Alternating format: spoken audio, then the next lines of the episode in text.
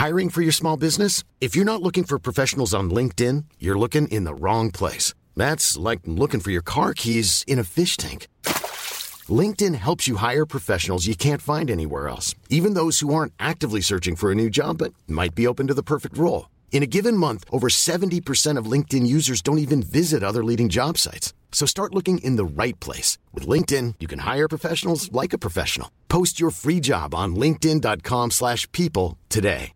Hey, Dave. Yeah, Randy. Since we founded Bombus, we've always said our socks, underwear, and T-shirts are super soft. Any new ideas? Maybe sublimely soft. Or disgustingly cozy? Wait, what? I got it. Bombus. Absurdly comfortable essentials for yourself And for those facing homelessness. because one purchased equals one donated. Wow, did we just write an ad?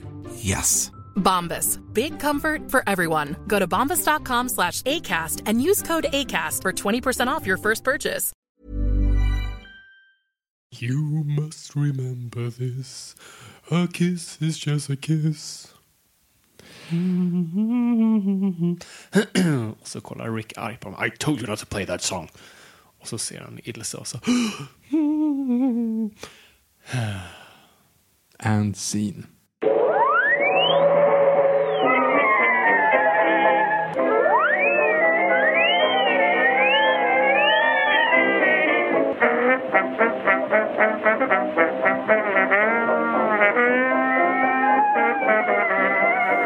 Då börjar det i stort sett bara. Hej och välkomna till Nörden och jag. Jag som är nörden Fabian Lander. jag som är jag, Viktor Engberg. Det här är podcasten i samarbete med Acast där vi pratar nörden, nördkultur i slags bildande syfte. Jag försöker bilda Viktor i saker han tycker om men inte vet så mycket om. Precis, och idag är en bra dag. Idag är en bra dag. Jag heter Fabian Nordlander för övrigt för den som missade det. Ehm, ja, idag är en väldigt bra dag. Idag är ett sånt här avsnitt man, man bara... Vi vill göra alla avsnitt, men det här vill man verkligen göra. För vi, vi, vi, vi, går på eh, familjär mark. Eller hur? Det här är någonting som, som vi egentligen lite gjort förut, men ändå det här kanske 2.0. Ja, men det, det är uppföljaren kan man säga. precis. Det är uppföljaren. Men först, innan, lite housekeeping. Ja, Mm. Ehm, för, för, er som inte vet, eh, jag har ju ja varit... förlåt, förlåt. Hur har din vecka varit? Nej, men som, som eh, många veteranlyssnare vet så har jag varit med och skrivit den senaste Bamse-filmen. Den som kommer att premiär nu vintern 2018. Och eh, den här veckan, förra veckan, skitsamma, hej framtiden, släpptes den första trailern, teaser-trailern till Bamse och Dunderklockan. Så den kan ni se på YouTube nu. Eh, så det är bara att slå in Bamse och Dunderklockan så ser ni den där. Så det är en väldigt tidig trailer, eh, ljud, ljudet och rösterna är inte riktigt klara än, så att ha överseende. Jag gillar ändå hur de klipper de trailern när det är den här revealen mot slutet. Ja, alltså, du vet, det, så har de inte gjort på en Bamse-film tidigare, så det tyckte jag var lite coolt att de gjorde sån här teaser-teaser. Ja, precis. Det är, unge- det är ungefär som, det, nu kan jag inte på no, jo men som så här, oh, so we're using our made up name now, then I'm Spider-Man. Och så ser man så här en lång sekvens Spider-Man-sekvens innan det är slut liksom. Lite som te temat vi ska prata idag, eh, när första Jurassic World-trailern kom. Mhm. Kommer du ihåg vad slutspinnen på det var? Måste tänka, måste tänka, måste tänka, måste tänka, måste tänka, måste tänka. Nej. Det är ju eh, motorcykeln och velociraptorerna. Ja, just det, där är ju. Så det, var, det är en liten sån grej vi har i den här. Det är som att den är slut, men det bara pang! Ja, en till. extra grej wow! Och så ungarna skiter på sig av exaltering. Och jag. Och du och jag.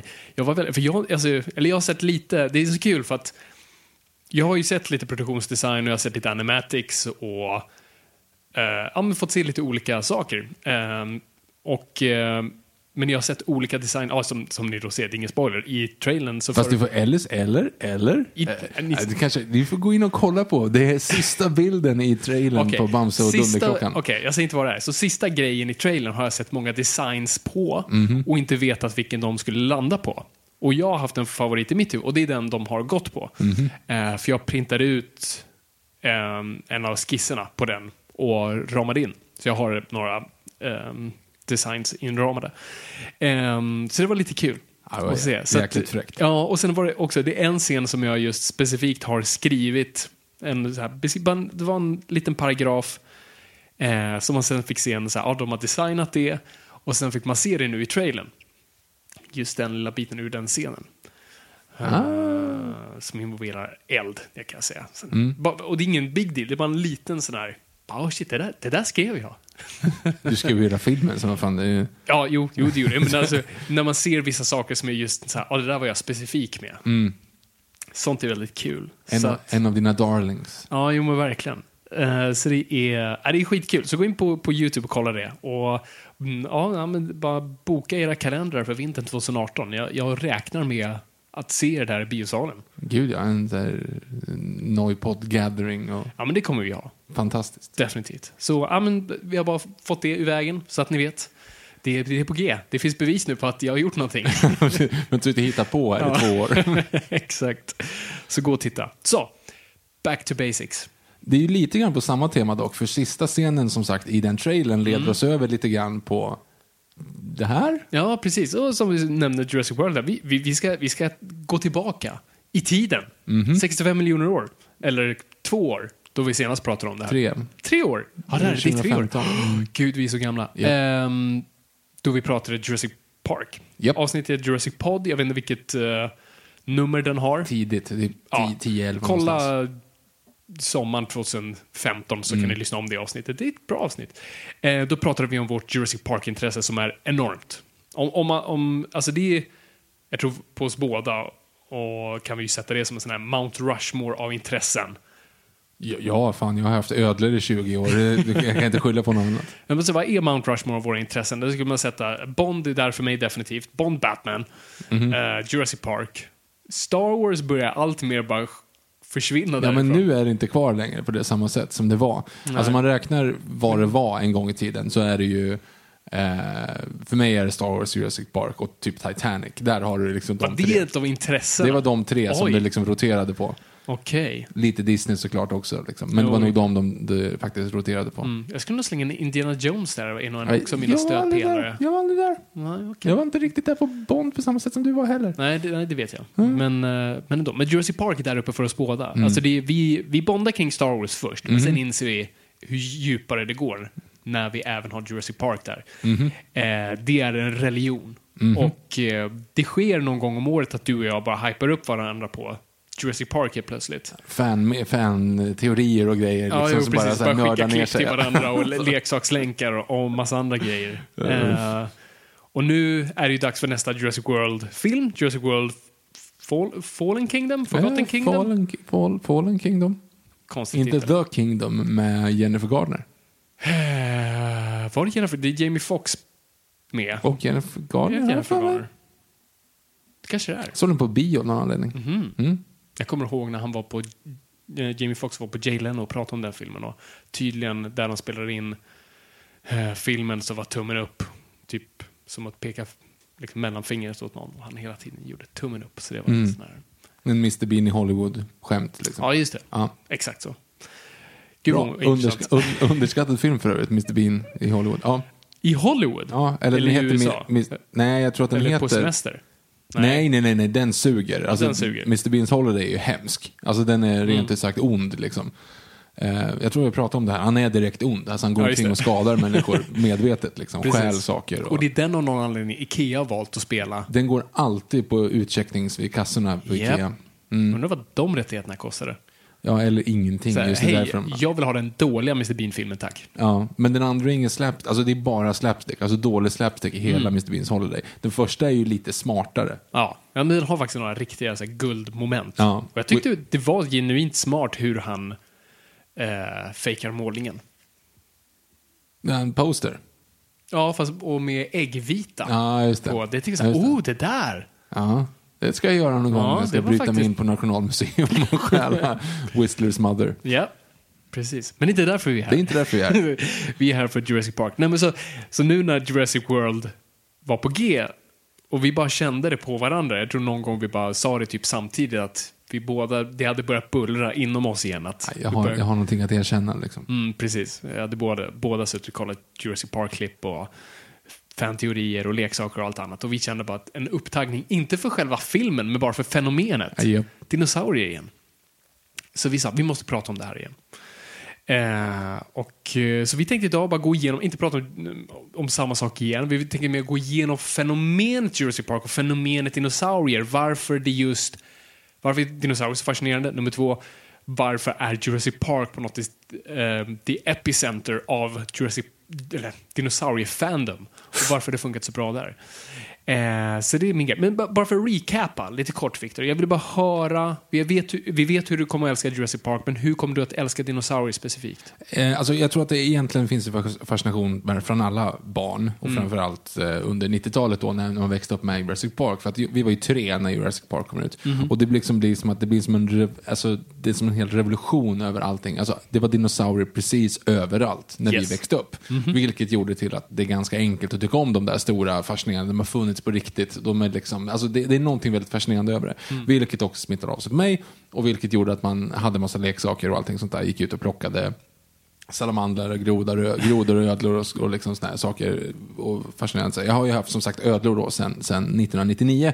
Så att det är 20-årsjubileum nästa år. ehm, På just ödlor. Ja, ja, tack. Och jag, har, jag har studerat ett 15 poäng eh, dinosauriekunskap på universitetet. Det har du. Eh, så att jag Du har mejlat med Jack Horner. jag har mejlat med Jack Horner. Bara det liksom. I'm not worthy, I'm not worthy. Han svarade beats me på en av, på en av frågorna. Ehm, så det är kul. Ja.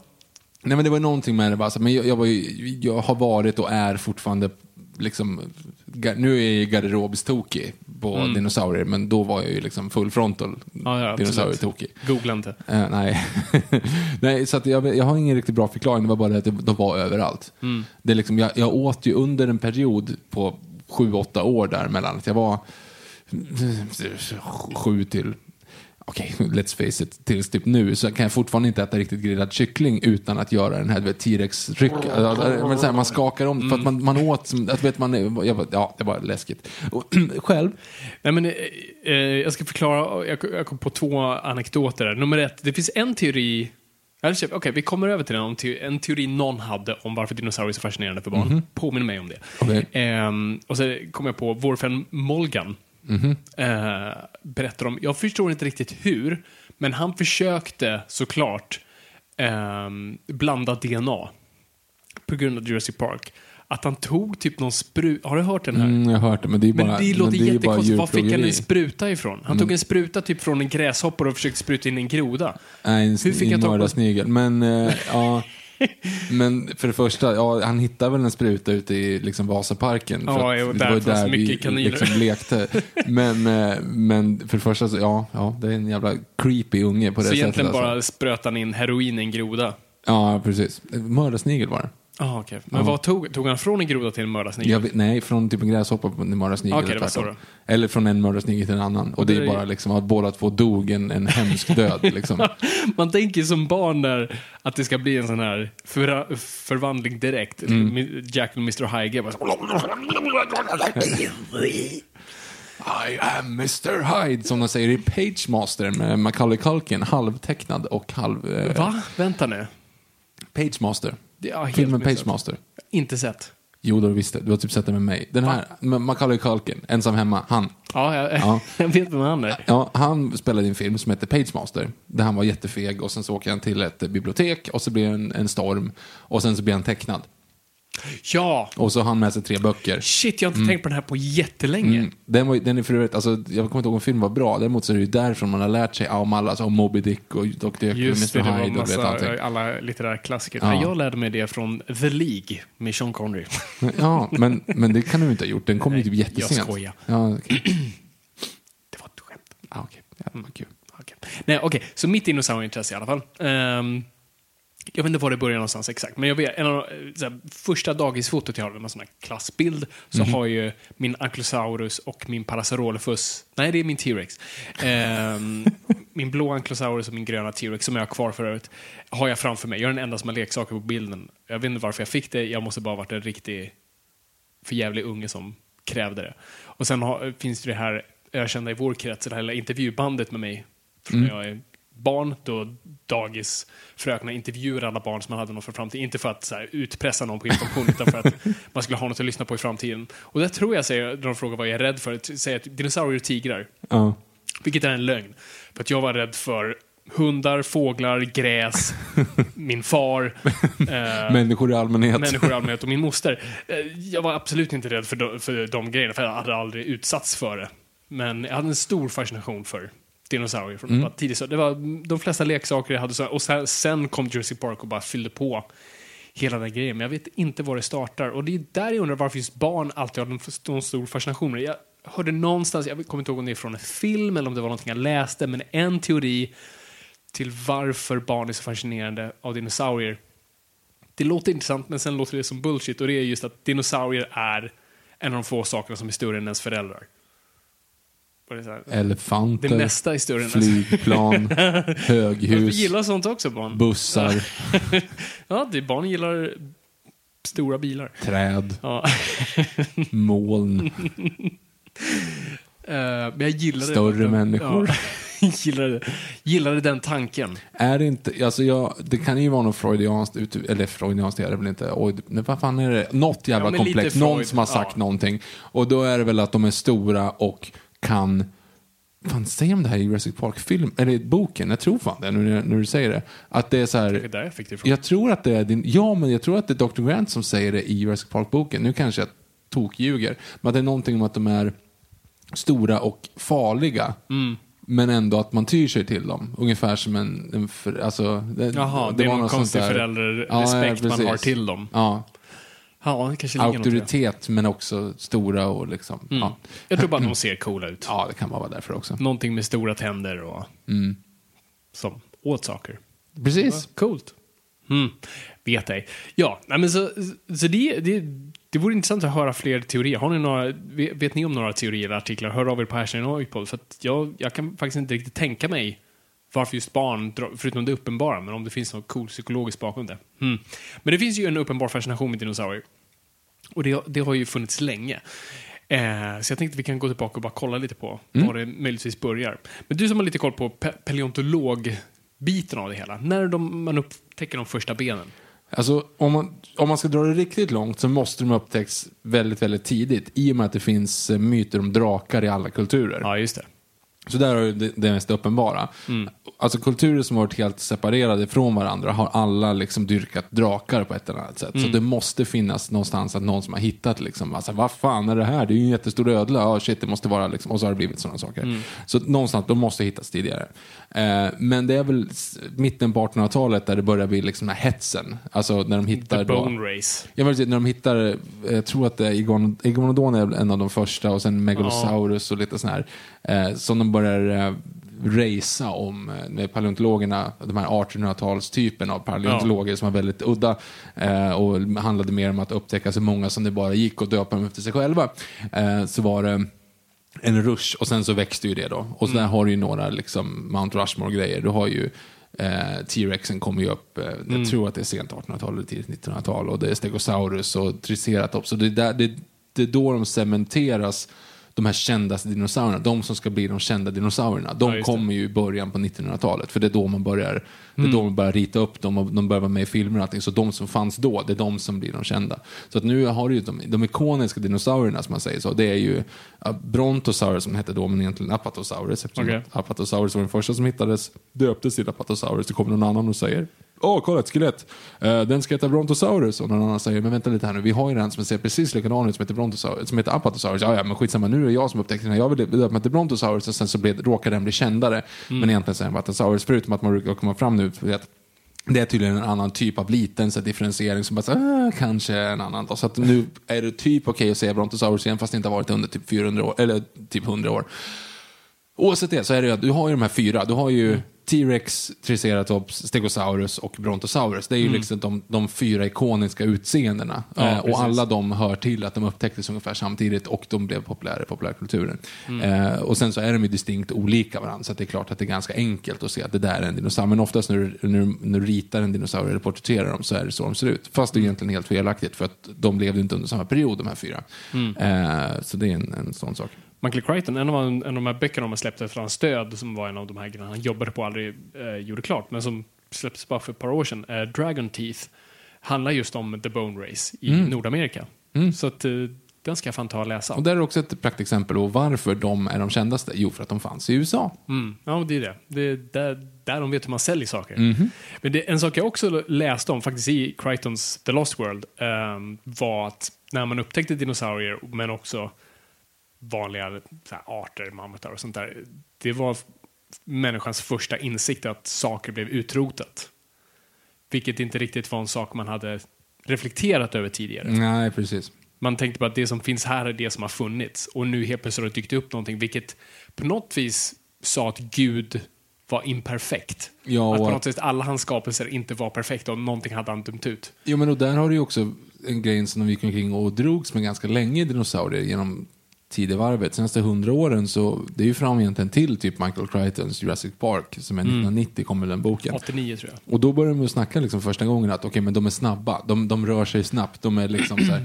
För att annars har man ju tänkt dinosaurier som liksom tröga ödlor och de var var- dömda att misslyckas i och med Exakt. att de var liksom Man var tvungen att göra så, för att man var, det var det beviset vi hade. För Ja men precis, för Gud, om Gud har förstört dem så kan de inte vara bra. Alltså Nej. så har man liksom tagit bort hela den, det konceptet av Precis. att de kan vara utvecklade. Vissa körde ju lite Noahs ark-grejen på det där. Ja, det var de som inte hakade på. Ja, precis. Och det är också svårt att förklara om jorden är typ 5000 år gammal, så här, hur, hur kan de ha varit legat i marken så länge? Och, Precis. Och så.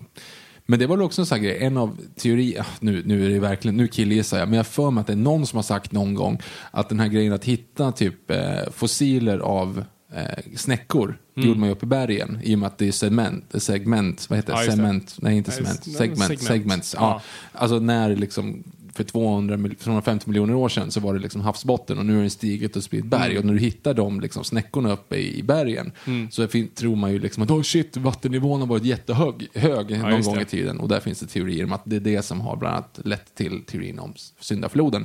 Men det, det är så kanske det är, men det finns absolut inget bevis på att det är någon som har kommit på det utifrån det. Sen läste jag en till grej, Mhm. sista, sista eh, teorin här, men om just eh, hur kometteorin blev poppis. Mhm. Vet du det? Nej.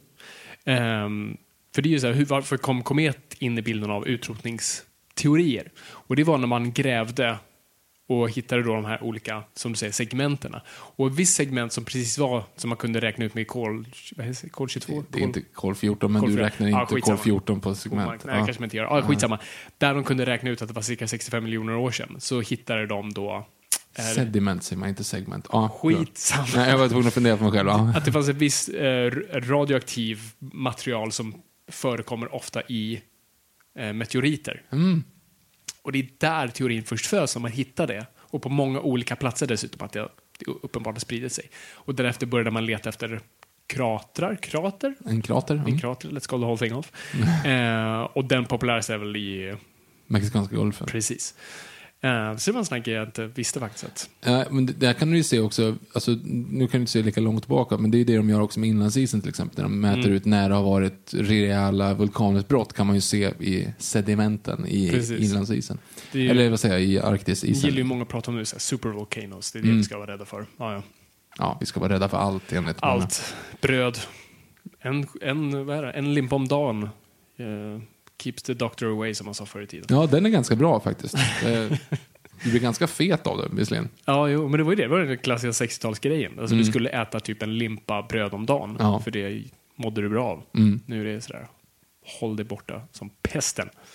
Ja, skitsamma. Men som i allt är ju, en fascination startar ju inte i forskning oftast. Det är det här Crichton också hade fingret på. Han förstod att du filtrerar alltid forskning och populariserar det via fiktion och populärkultur. Och det är så du gör någonting intressant. Han drog ju så mycket olika uppmärksamheter till nya forskningshörn eh, i både i form av teori och ställen i världen via då sina böcker.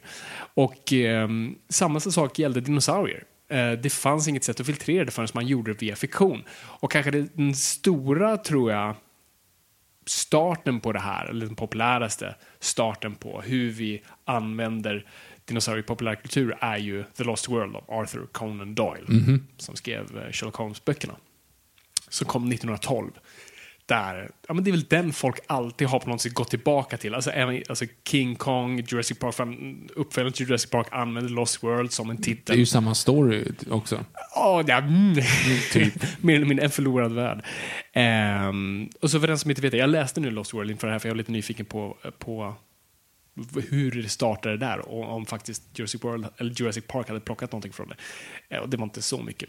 Men, men det handlar ju som alla, alltså som alla äventyr startade med eh, en kvinna som man vill gifta sig med. Och hon säger nej, jag vill inte gifta mig med dig för att du har inte levt. Du är en man utan ärr på ditt ansikte. Tänk att det här var erfarenhet." 1912. va?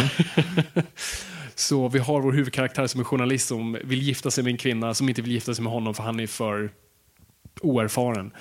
Eh, och hon tycker det är sexigt med en man som har levt. Eh, han han var inte oerfaren i form av kärlek utan snarare bara allmänna livserfarenheter. Så han går till sin... Eh, Det hade varit en helt annan story om man skulle gå ut och bli erfaren kärleksmässigt. Det hade varit väldigt... Ja. Ja, så han går till sin då redaktör på tidningen han jobbar och säger ge mig ett uppdrag, jag vill bara ut i världen, jag vill upptäcka någonting. Ge mig någonting. Och de säger eh, nej, det får du inte. Men vi har en galen professor som eh, vi inte får prata med som påstår att han har sett eh, stora dinosaurier. Gå och snacka med honom. Han går och snackar med honom. Han får reda på att det finns en plats i eh, Sydamerika som vi än inte har utforskat. Vi ska komma ihåg det här är under alltså, vad ska man säga, expedition crazen. Då man skulle upptäcka världen och sätta saker på kartan. Framförallt sätta sig själv på kartan, få sitt namn på skit. Precis. Ehm, och kolonialismen och allt det där. Och, och den här professorn lyckas övertala honom med lite dåliga bilder och allt annat. Jo, men det, det finns en plats faktiskt där, där ur, inte urbefolk, men urdjuren har fortfarande, har inte dött ut helt enkelt. Och jag vet det här. Och jag, om du följer med på expeditionen så kan vi blow this thing off och bevisa för världen och bli världskända. Så de ger sig ut tillsammans med en jägare för att då hitta den här förlorade världen som de då kallar för platån. Det är typ som en urholkad eh, vulkan som har på något vis inte förändrats. Allting annat, när allting annat dog ut så fanns den här lilla biten kvar. Och det är i stort sett bara, alltså det, det är ett klassiskt där pojkäventyr. Det är någonting som jag kan tänka mig, alltså det är inte en superbra bok, jag kan inte rekommendera den. Eh, för det är verkligen sån här, vi ser någonting, den jagar oss. Och det Ja, är, som Peter Jacksons King Kong. Jo, men det är väldigt mycket så. Väldigt mycket som de filmerna från den tiden som drog väldigt mycket från det. Man kommer till en plats, eh, man vill skjuta saker, de hugger tillbaka, man springer därifrån. Men alltså, som sagt, det är också skrivet 1912, så att folk hade inte rest, hade knappt rest. Nej, till precis. grannbyn. Och det är det att, som är så, det är ju det som gör, jag kan tänka mig gör den här boken så cool med en 12-årig pojke som sitter framför stearinljuset, har inget bättre för sig än att läsa den här boken och bara förstå hur en Amazonflod ser ut. Och gröna blad. Och en apa. Och sen, inte nog, en Allosaurus. Det är typ den, främ, det är typ den främsta köttätaren som för, fram, ja, föregår i Lost World. Och sen eh, Pterodactyls, som de säger. Inget specifikt där. Och sen tror jag Apatosaurus eller Brontosaurus, jag vet inte vilket de använder. Eh, just, jo, Iguanodon pratar de faktiskt om. Jo, Jaha, den träffar de också. Och sen är det också Ape Man, vilket är lite så här, nej. Som ska då vara, ja, grått folk av något slag. Vi lämnar det där. Ehm, ja, nej, men det är en klassisk sån här kolonial story om hur man utforskar en plats man inte har sett förut. Och, var, och det är inte hemma, så därför är det konstigt och weird. Och det är dinosaurier där. Ja, jag har inte läst den. Mm. Eh, Men det, det är ju det här som sätter igång en, en typ av craze också på film. För det, det, vi såg ju precis eh, den. Den från Eh, 1925. film, filmen då från Filmatiseringen. 19- Film Mm. från 1925 som är en stumfilm.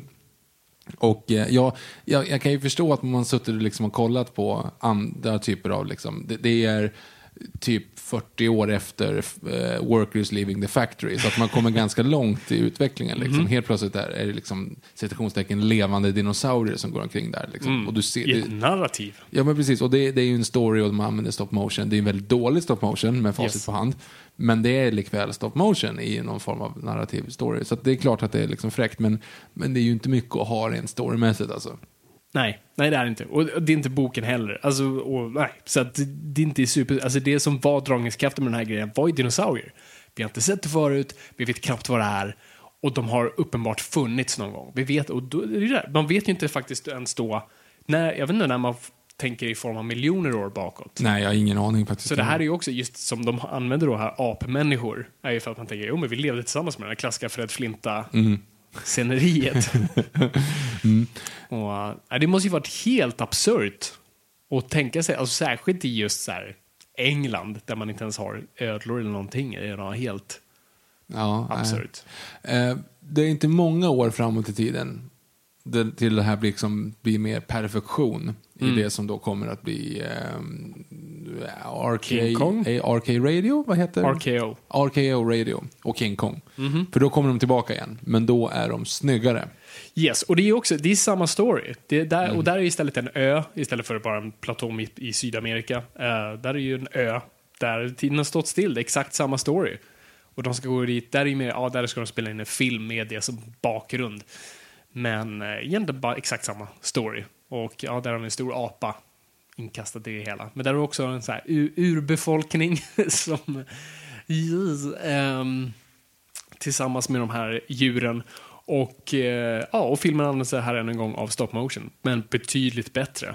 Och eh, som vi har pratat om ja, i vårt specialeffektsavsnitt, just det här att här kunde man ha, för det hade du inte i Lost World-filmer från 25, då hade du ju aldrig skådespelarna tillsammans med stop motion-figurerna. Och lite grann, de är nere i ett hörn i en scen när Allosaurus'en kommer fram där, de kastar. De. Ja, men du har ju, alltså det är projicerat bakom, du ser, de, det, ja. Ja, det är väldigt Det är limiterat snyggt i alla fall. Ja. Eh, Medan i King Kong kunde man verkligen försöka ha människor i förgrunden av bilden och sen actionet i bakgrunden. Och det såg ändå acceptabelt ut. Jo, men då är det mycket den här till exempel när han står och skakar eh, den här eh, stammen. Så är det ju som att stammen rör sig Mm. Ja, med precis. hans händer på så har de ju liksom projicerat den bakom. Det ser Exakt. väldigt eh, back-end projection. Back projection. Ja, så. precis. Ja, det lär ju vara back projection. Mm. Det är fräckt. Det är ju skitfräckt. Men även här, just bara fascinationen med att dinos alltså dinosaurier var, var en stor dragningskraft. De här fascinerande djuren vi inte förstod och varför de försvann. När de var så jävla stora, balla, verkade kunna utföra saker. Varför försvann de? Ehm, och det här har vi ju sett i- alltså, i- tidigt i film med stop motion. Dinosaurier användes ofta och det var väldigt flitigt. Och det fanns, fanns cowboyfilmer som använde dinosaurier och de bara, åh kolla här fanns det dinosaurier helt plötsligt ute i öknen och så slåss de mot dem. River, nej, Valley of Gwali eller vad den Ja, heter. något sånt där heter den. Ja. Cowboys vs aliens fast med dinosaurier. Precis. Ehm, och... Ja, nej, men så, så det är där det används. Men, men dinosaurier hade ju alltid svårt på något sätt att funka i ett narrativ. Hur använder man sig av dem? Antingen går det liksom straight to dinosaur story, vilket aldrig riktigt gjordes då. Eh, eller så använder vi människor och då gör vi då antingen, ja, det finns ju de här One Million BZ, eh, BZ, eh, BC, eh, där det är än en gång grottemänniskor versus dinosaurier. Ja, de hade inte riktigt koll där. Nej, och sen cowboys och dinosaurier. Så att man bara blandade in människor och dinosaurier i... Förr i tiden att det fanns en plats där tiden har stått still. Ehm, och det är väl egentligen inte förrän Jurassic Park kommer då man på ett helt nytt sätt tar istället dinosaurierna till vår tid med hjälp av science. Ehm, och det är där, och det är på något sätt, alltså, så ska man sätta The Lost World, alltså Conan Doyles första, är startskottet för det. Och sen det Jurassic World, eller Jurassic Park som cementerade för vår tid och framåt. Och det är det vi alltid kommer blicka tillbaka på, för det var, det konceptet kan du inte riktigt klå. Nej, det är bästa konceptet som finns. Liksom. Du, Mm. du kommer inte undan. Nej, helt klart. Men ehm, vi pratade jag, jag hade ju läst boken till eh, vårt förr, eller Jurassic Pod-avsnittet som vi gjorde. Men eh, du läste den nu. Ja. Du hade inte gjort det tidigare. Så vad var, vad var, din, eh, vad var din uppfattning av boken? Michael Crichtons klassiker. Alltså grejen är så här. Vi kommer kanske spoila lite grann boken, men det är lite svårt så alltså, Den är 30 år gammal. Ja, den är 30 år gammal och det är liksom det är samma story fast det är lite andra personer som överlever och sådana saker. Men Mm. det, det jag gillade med boken det var ju att de gör ju science mumbo jumbo lite mer. Mm. Eh, alltså det, det tar ju typ halva boken innan det händer någonting med dinosaurier egentligen. För Ja. det mesta är bara så här eh, hur de får fram dinosaurierna. Och det är uppenbart, det funkar ju inte, men det bryr sig ingen om. Alltså du vet, de lägger in så här, ja, men vi, det finns fortfarande lite DNA kvar i benen, så vi maler ner de benen. Så bara, men det är någon som säger, men va? Vadå? Varför ska de finnas kvar i benen? De går ju ut för flera miljoner år sedan. Ja, men inte om, man, inte om benen legat kallt. Så därför har Hammond bara eh, fokuserat på utgrävningsplatser som är norr om x antal, någon sån här breddgrad. Bara, Jaha, och då sitter man och köper det när man sitter och läser. Bara, Jaha, ja, det, det stämmer ju. Det är det Crichton var expert på. Ja, men det var så här, han, han, tog, han sa någonting och så, var- så är det någon karaktär i, i boken som säger så här, fast det stämmer ju inte. Och då säger man jo och så lägger han in en till detalj och så tänker man okej, fast det stämmer ju inte heller, men det är skitsamma. Liksom. Precis, Nej, så han att- ändå erkänner felen med det, men Ja, sen sätter in en extra grej. Men jag gillar också, alltså hela, hela grejen med, med Jurassic Park, den startar ju eh, väldigt mystiskt. Alltså man vet ju Grovt. Och ja, precis, det ska man också lägga in. Den är, den är, för det första, det är en väldigt bra bok, så att den som har chansen att läsa den, gör det. Nej, men det är så, här, den, är, den är väldigt grov. Det är en, eh, en kvinna som jobbar som läkare. Som, eh, är ute en, en storm, så hon bor på, i en bungalow liksom, i Costa Rica. Mm. Och eh, det är en storm ute och helt plötsligt kommer en helikopter och landar. Och ut, då skickar de ut en, ett gäng eh, som står ingen på deras, eh, tröj, eller på deras jackor. Och de, hon vet inte vad det är för någonting. Men de bara landar och säger liksom, är någon som är en doktor här? Och så hivar de in en, en liten typ 18-årig snubbe som är, han har jättekonstiga sår. Han har liksom stora så här, riv, alltså det ser ut som rivsår, eller det säger de inte, men det är liksom jätte, jätte Han är stora sår. i Ja, ja, precis. Och det enda han säger är El Raptor, El Raptor. Och hon förstår inte vad El Raptor är för någonting. Ehm, så hon så typ, frågar, så men vad betyder Raptor? Någon, någon spanjor då, eller spansktalande. Och han säger typ så här, men tjuv? Så här, "Eh?" så här, hon fattar inte. Och sen så kollar, försöker hon så här, rädda honom, men det går inte för han bara dör. Och hon försöker, men vad är det som har hänt? Nej, men eh, han ramlade. Han höll på med en byggarbetsplats och så är det någonting som har hänt. Typ så han ramlade. Och hon tycker att det är lite konstigt, men han avlider. Och sen då så slår hon upp eh, sin egen engelska ordbok och söker efter raptor och så ser hon, står det bird of prey. Och då är det så det är första grejen. Liksom. Och sen är det tre, fyra olika sådana exempel. Bara på så här, folk som, som skadar sig på konstiga sätt och det dyker upp mysko och grejer och då har ju då att kom, Compsognathus då har kommit till fastlandet. Så att det är den här inledningsscenen på The Lost World-filmen är ju egentligen vad ska jag andra inledningen från, från första Jurassic Park-boken. Och då är det ju att en, eh, en amerikansk eh, familj är på semester i Costa Rica.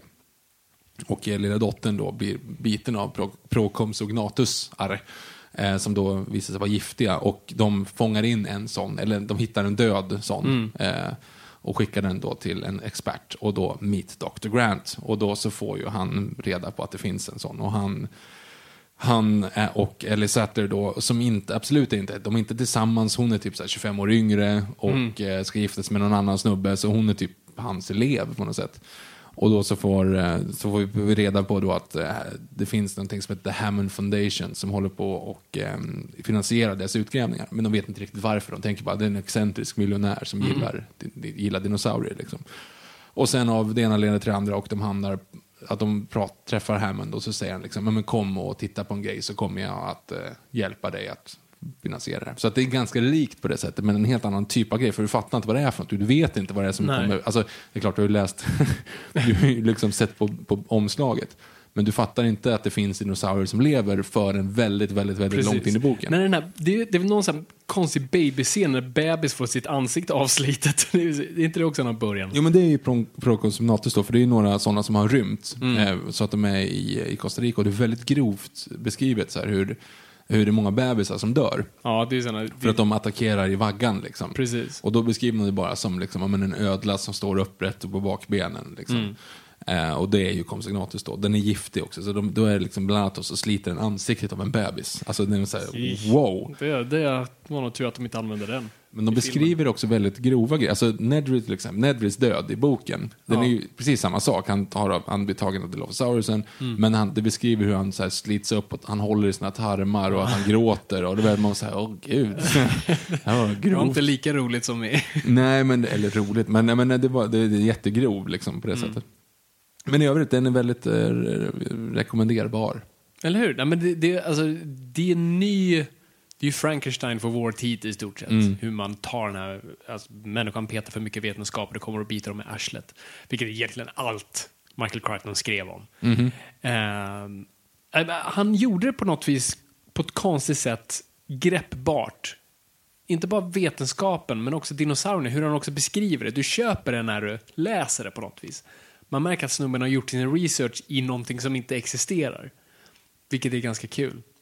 Ja, han, han beskriver dinosaurierna ganska fel egentligen. Alltså, T-rexen sitter och vilar, alltså sittandes med benen rakt framåt och sittandes på svansen. Och så här, jag såg från, framför mig hur det liksom som en sån här björn, Ja, eller vet pandan, eh, pandaungen som nyser. Ja, Den just det.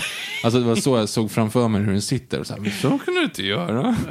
Eh, och de, de, är mer, de är faktiskt lite theme park monsters på ett helt annat sätt. Mm. För de, de jagar typ hela tiden. Precis. Ehm, Men där har de ju också den bra detaljen som de inte hade i Jurassic Park. Eller det är ju i Jurassic Park, de bara uttrycker inte det 100%. Men det tar de verkligen till sig i Jurassic World. Och de positiva grejerna är att de säger för det är ju många som har klagat på Jurassic Park, för det ser inte ut, så där såg faktiskt inte dinosaurier ut. De hade väl fjädrar eller velociraptorerna inte så stora. Ja, äh, Dilophosaurusen hade inte en krage. Och det förklaras ju i boken. Ja, ja, alltså det, det är ju favoritdelen av den, när de håller på och försöker lista ut. De hittar massa DNA som de då, ja men de maler ner benrester, de bygger ihop av andra olika existerande nuvarande djur de hittar i ambers och sådana saker. Men grejen är att de vet ju inte vad det är för dinosaurier de bygger. Nej. Förrän ägget kläcks. Ja. Så de bygger plastägg och så sätter de in embryo och så hoppas de att det blir någonting. Liksom. Eh, och det som kläcks, de har de ingen aning om vad det är. Så att det var ju därför de har ju bara trial and error hela tiden, liksom, tills det kommer någonting som ser ut som någonting som fungerar. Typ, som kanske skulle kunna vara en dinosaurie. Så det är ju egentligen, de gör ju, en, alltså Indominus Rex finns ju säkert i en av dem, bara att det blev Precis. ingenting så att de typ avlivar den. Alltså det är ju hela tiden att de bygger upp det på det sättet. Precis. Ehm, så där har du ju också till exempel den grejen att de står still. Alltså för Grant vet ju inte om det.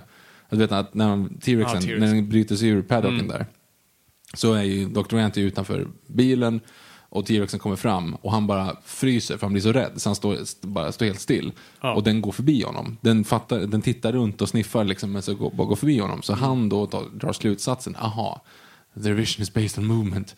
Men grejen är att det är ju inte, han säger ju det, så här, men det låter jättekonstigt att, att dinosaurierna var så.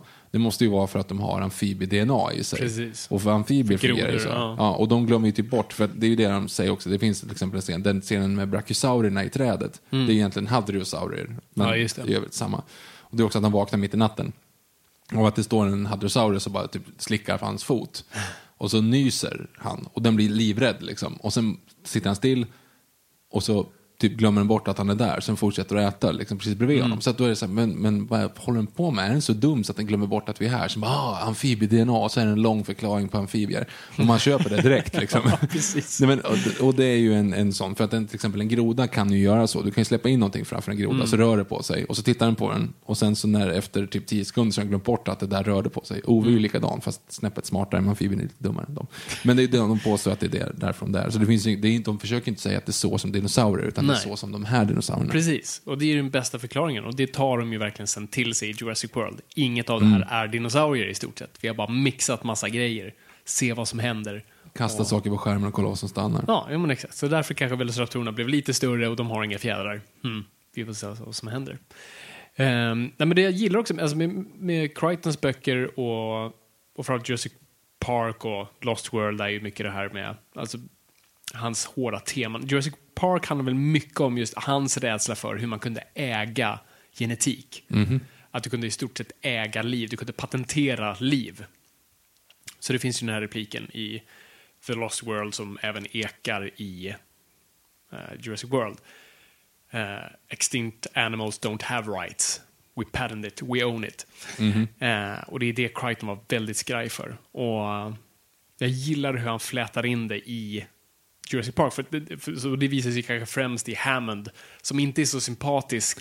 Nej, i boken som är i helt, filmen. helt annorlunda. Jag tror att det handlar mycket om att Richard Attenborough är så pass likeable. Ja, men alltså, det, det är jätteså. Du hade inte kunnat göra Hammond som han är Mm. i boken. För att i boken så typ, han är inte han tycker typ inte om sina barnbarn. Och, Nej. alltså, ingen tycker om Lex i den. Alltså, jag ska säga, de, det, det är typ det sämsta med boken, ska jag säga.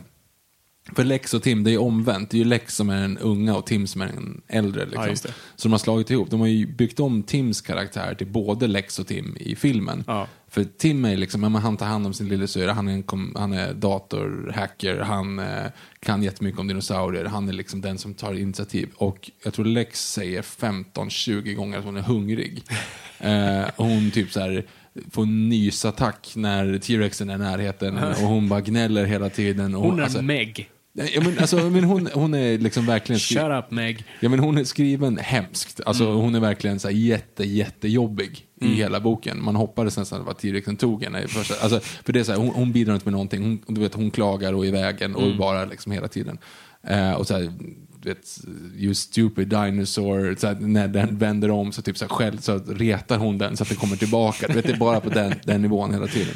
Ehm, så att jag förstår att de växlade den och det slog ut Tims karaktär i två personer i Ja, filmen precis. istället för annars hade man inte tyckt om det. Men i alla fall, men eh, Hammond gillar ju typ inte sina barnbarn. Han tycker att det är lite jobbigt att de är där. Det är bara ett bevis mot sin advokat att kolla barn tycker om den här parken. Ja, precis. Jo, men exakt. Och, alltså, jag tycker ändå om den ändringen faktiskt i Jurassic Park, för jag tänkte det på när vi såg Jurassic World, vi kommer komma in på det mer, men tänkte just att de onda personerna är onda. Så här, och, och de som äger parken är, ja, förutom då ägaren av Jurassic World, han, han är knappt med, men de, här, alltså, de nya InGen snubbarna är liksom onda. Mm. Genuint onda. Det jag gillade med Hammond i filmerna var att han är inte ond. Eh, han har de bästa intentionerna, men han gör fel hela tiden. Och det bara kopplas till ja, en av de bästa citaten, The road to hell is paved with good intentions. Så jag gillar den aspekten av det. Säger han och citerar Jurassic Park 3. Mm. Säger de det i Jurassic Park 3? Ja, det säger de. I nej. did it with the best intentions. Ja, fast de säger så här Some of the worst things in, in history has been Precis, det är deras citat, inte, inte det citatet. Okej. Eh, men det är lite den grejen av att Attenborough vill bara väl Mm. och han har en dröm och det är bara att berika världen med de här grejerna. Men allting går bara åt skogen. Som gör en av de bästa scenerna i eh, Jurassic Park. Och det är ju när han och Ellie Sattler sitter i matsalen och han berättar Mm. Precis. om här, hur, när han bodde i Skottland. Hans första attraction var att han köpte en loppcirkus liksom, och hade små gungbrädor och karuseller. Och så Mm. beskriver det. Så säger han att han, han tog typ ett öre för att folk skulle titta på loppcirkusen. Mm. Och att de här barnen då skulle säga liksom, ja titta mamma, ser du inte loppan där? Ser du inte loppan? Men självklart så var det inga loppor där. Men, men det var illusionen att han ville liksom eh, göra det här fantastiska, att, trä, alltså att, se någonting som sjukt som att loppor tränade på små gungbrädor. Liksom. Och sen så var då han bestämde sig för att jag vill göra den här loppcirkusen på riktigt. Tänk att vara på en loppcirkus där man inte behöver ha sin fantasi utan faktiskt se det på riktigt. Och det, då är det så här, då har hans karaktär där. Precis. Vilket gör det helt fantastiskt. Mm. Men Hammond i böckerna är ju bara så här, vet, han, han, är, han är jättearg hela tiden. Och bara klagar och klagar och han hatar Jim Malcolm. Alltså det är ju liksom... Det gör ni förvisso Jo, fast, det, fast det är ju så här, I really hate that man. Det är Ja, ändå lite det är här, gulligt. lite gulligt. Och, men I han är, bring the scientist, you bring a rockstar. ja, men, och då är det ju så lite, lite banter, men de är verkligen direkt osams konstant i boken. Liksom. Nej, det, det, det, det är sant. Eh, nej, men eh, som du säger, Victor, jag, jag rekommenderar alla att läsa Jurassic Park. Jag tycker det är en av Crichtons bästa verk. Uh, jag tycker all, han samlar allting bra med. Han tog det som inte funkade i Westworld, fick det funka, funka där. Han tar dinosaurietropen och gjorde om det till för en helt ny generation. Och det är inte så konstigt att Steven Spielberg bara hakar tag i det där. Ehm, och sen, ja, filmen och det är sin egna succé och strax efter skriver ju också eh, Michael Crichton en uppföljare, vilket han aldrig hade gjort riktigt tidigare. Han hade ju skrivit lite pulpböcker som, som var lite som en James Bond-karaktär som var lite av en följetong, men han hade aldrig riktigt skrivit en, en riktig uppföljare. Så han hade ju fått massa fanbrev hem till sig där, som med massa så här, "Ja, så här skulle jag göra en uppföljare, så här skulle jag göra en uppföljare. Och enligt honom själv då så här sa han, men jag har en bättre idé. Jag tror mer var money talk så. jag tror filmbolaget bara, och bokförlag bara, om du skriver en till, det kommer ju uppenbart bli en film på det och då har du lite kontroll och gör någonting. Och så jag läste nu eh, The Lost World inför det här avsnittet, vilket var kul ehm, att se vad, det faktiskt var för någonting. Ehm, och det märks väldigt mycket att det är lite av ett eh, gå i sömnen-jobb i form av story, men jätteintressanta idéer som han bakar in, som man märker att det är det han egentligen vill prata om. Han är inte så intresserad av en ny uppföljare. Den är ganska olik film, eller den är lik men olik. Alltså där handlar det om, också en ganska bra inledningsscen med att det börjar spolas upp döda dinosaurier på Costa Rica-stranden. Jag kan säga att för att fatta det här då, så första, det. första boken slutar med att de napalmar hela ön. Exakt. Alltså hela ön exploderar. Ja. Mm. Ehm, och alltid begravs och ingen vet vad som hände där. Det är, det är knäpptyst kring det. Men eh, så Lost World utspelar sig några år senare, typ fyra år senare, och då börjar döda dinosaurier spolas upp på stränderna. Och eh, det börjar ryktas om den här ön där ett företag tydligen har gjort dinosaurier, men det är bara det är hasch-hasch över det. Men just att de här dinosaurierna spolas upp och det kostar rika regeringssnubbar går runt med bara flamethrowers och bränner upp dem. Eh, och vi följer framförallt Ian Malcolm som i boken, till skillnad från filmen, är väldigt mån om att bara hålla käften om vad som hände. Han är inte intresserad av det, han vill inte prata om det. Folk som kommer och frågar honom om det, för det ryktas om att han har varit del av det, för att han skadade ju sig då i första boken. Det, det, det Sägs, Eller? ja, det, det i stort sett sägs att han, dör Ja, i han, Jurassic men han, Park. han dör i boken, det gör han ju. Precis. Eller Men- det är det som är meningen, sen så tar han tillbaka, han, Crichton tar ju tillbaka honom för att han överlever i filmen. Precis. Det måste ju vara så. Det måste ju För att det är så, han blir biten av T-rexen i typ en liknande scen som Mm. det är i, utanför T-rex Paddock. Och, och sen eh, så, så ligger han egentligen skadad och så här feberyrar och tar massa morfin och mår bara dåligt i hela boken. Ja. Och sen när de åker därifrån så är det en annan, ja, Ma- Maldon överlever Mm. ju. Eh, och Grant frågar liksom så här, and Malcolm, And Muldoon shook his head. Det, var så här, det är väldigt svårt att, att stretcha det till att han faktiskt överlevde. Precis. liksom. Ja, för i Lost World går han ju runt med en käpp och det sägs väldigt kort bara eh, The Doctor did a fabulous job. Ja, Eh, jo. Men vi blev lämnade på en ö som napalmades. Liksom. Precis. Och det är så att Indien betalade hans eh, sjukhuskostnader och sånt där. Men han är sen bara väldigt glad att lämna det bakom sig. Och och det är inte som, för i filmen så är det väldigt mycket att han har pratat om det när han inte fick och sånt där, när han skrev på ett hemlighetsavtal och sånt där. Eh, men så filmen har en ganska simpel sak. En av hans gamla elever, som är någon så här rikt asshole, är besatt av de här konstiga dinosaurierna. Men det är också kul när de beskriver de här dinosaurierna, för all, Crichton är väldigt bra på att beskriva det som hur folk ser. Han säger inte att han kollar på dinosaurier, utan alla tänker på allt annat än dinosaurier. De försöker lista ut vad det är för någonting, för de, också så här, för de är ju jäst i vattnet och svullnat upp. Och, och har ruttnat i stort sett. Så ingen säger någonsin dinosaurier. Undrar vad fan är det här för slags djur? Vi har ingenting i databasen som kan lista ut det. Och sen när de tar prover så är det också de hittar massa olika DNA i det.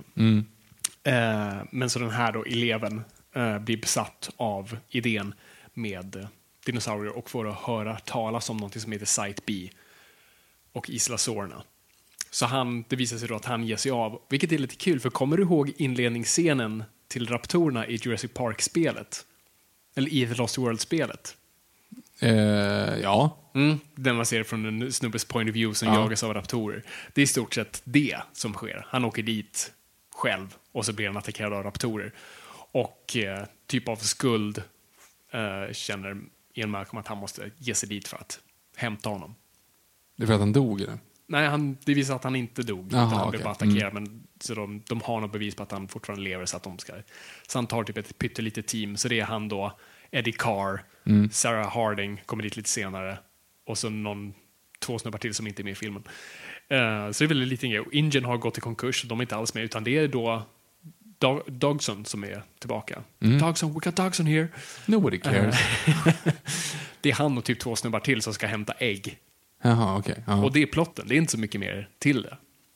Så, själva, så man märker att plotten inte, är inte så intressant. Det är lite samma grejer igen. Det, ja, det kommer en T-Rex där, det kommer Velociraptor där och de jagas och jada, jada, jada. Eh, men det intressanta här är än en gång hur Michael Crichton använder någonting som intresserar honom. Och boken pratar hela tiden om eh, extinction, alltså Utrotning. utrotning. Ehm, om hur man teoretiserar utrotning. För att utrotning, du kan inte forska utrotning. För det finns inga bevis för någonting mer än resultatet av det. Så man vet inte varför någonting egentligen utrotas. Så det är en väldigt mycket dialog om, är det arten som är utdömd eller är det miljön som dömer ut arten? Och Alltså, jag ska ärligt säga att jag tyckte att Malcolm var ganska jobbig i boken. han är ganska jobbig här och han är väldigt bitchy och bitter och bara alltså, klagar på andra och ska dra jättelånga vetenskapliga anekdoter. Precis. Det är lite hans grej. Och det gör den här också. Det här är inte chaos theory, utan Mhm. här är då, nu är han intresserad av eh, complex theory. Okej. Att det finns inga enkla svar på komplexa system. Någonting som Crichton senare också i sitt liv var väldigt intresserad av.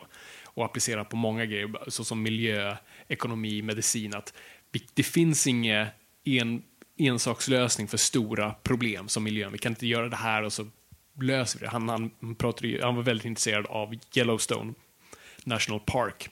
Hur den amerikanska regeringen försökte göra ett naturreservat. Det är alltså, ah, vi har massa älgar här, shit vi har för mycket älgar, ah, men kasta in lite vargar, och så kastar de in vargar, de åt upp alltihopa och då visade det sig att eh, det, då började det växa massa skit istället för att älgarna åt inte upp det och då försökte man eh, fälla träd, då tog man bort de träden men det orsakade då att bävrarna inte hade någonting att bygga sina dammar med så bävrarna dog och det gick haywire för att man försökte pilla på naturen. 'Cause Men just- life finds a way. Precis, för det, fanns aldrig, det finns aldrig enkla, enkla svar på komplexa system. Och jag gillar verkligen den grejen han leker med i den boken. Och hela tiden, och Malcolm, varannat kapitel börjar bara en lång utläggning på hur komplexa system fungerar och hur vi inte kan applicera Och där- mänskligt och där har tänkande du på också det. en fantastisk grej som vi har pratat om hur många gånger i den här podden. Men det är Simpsons-avsnittet när de råkar få med sig de här ödlorna från, Ja. från Australien. Drar den igen, den är alltid kul. Ja, eller om det är typ att de råkar, ja de hittar i alla fall ödlor och då är det så att det, de här, Bart har fått med sig massa ödlor. Eller två ödlor som får hur många ägg som helst. Och det slutar med att de sprider sig i hela Springfield. Eh, och de är jätterädda för att de ska till förstöra ekosystemet. Men det visar sig att de bara äter flugor, eller duvor. Eh, så de är jättenöjda. Liksom, så här, ja, men så, so we, we don't have to be overrun by pigeons anymore. Så, but what happens when we get overrun by lizards? Then we release the uh, lizard eating mongoose uh, and they will eat the lizards. But what happens when we get overrun by mongoose? Then we re- release the mongo eating gorillas. but what happens when we get overrun by mongo eating gorillas? That's no problem. They will freeze to death in the winter. Jag älskar Simpson på 90-talet. ja, de var bra då alltså. De var bra då. Nej, men där är verkligen ett praktiskt faktiskt användning av complex theory eh, som Crichton var jätteintresserad av och hur- det faktiskt stämmer. Alltså vi, vi, vi applicerar väldigt simpla mänskliga tänkanden på komplexa system vi inte har någonting att peta i. Det är som ekonomi, vi förstår inte egentligen hur det fungerar. Någonting händer där och då kommer det påverkas här borta. Alltså det, det är ett levande system. Så när man ska försöka sätta in en liten pelare där i mitten, så här, nu ska vi försöka reglera och fixa den här biten så går saker haywire. Fantastiskt South Park-avsnitt som förklarar Margaritaville-avsnittet när de förklarar eh, eh, finanskrisen. Genom att de köper Margaritaville och så ska de försöka lämna tillbaka den men det så ägs av hur många olika så här, riskföretag som har köpt försäkringen och köpt och bunkats ihop med andra lån och det är allting sånt där. De offrar sig genom att ta på sig alla, alla kreditskortsskulder. Ja. Genom att köpa ett no limit kreditkort och betala allas räkningar. Så att det blir som Jesus som just sig då.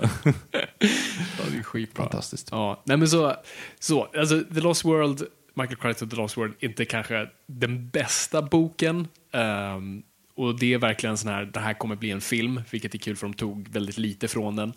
Ehm, och, men än en gång, om man gillar sån här, om man gillar Crichton så tycker jag ändå det är en kul läsning. Eh, mest för, det är det, dinosaurierna är inte det intressanta i det.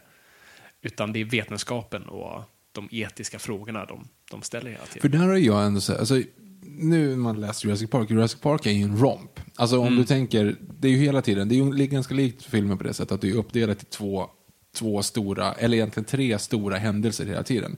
Det är Malcolm och ehm, Hammond som sitter fast på ett ställe.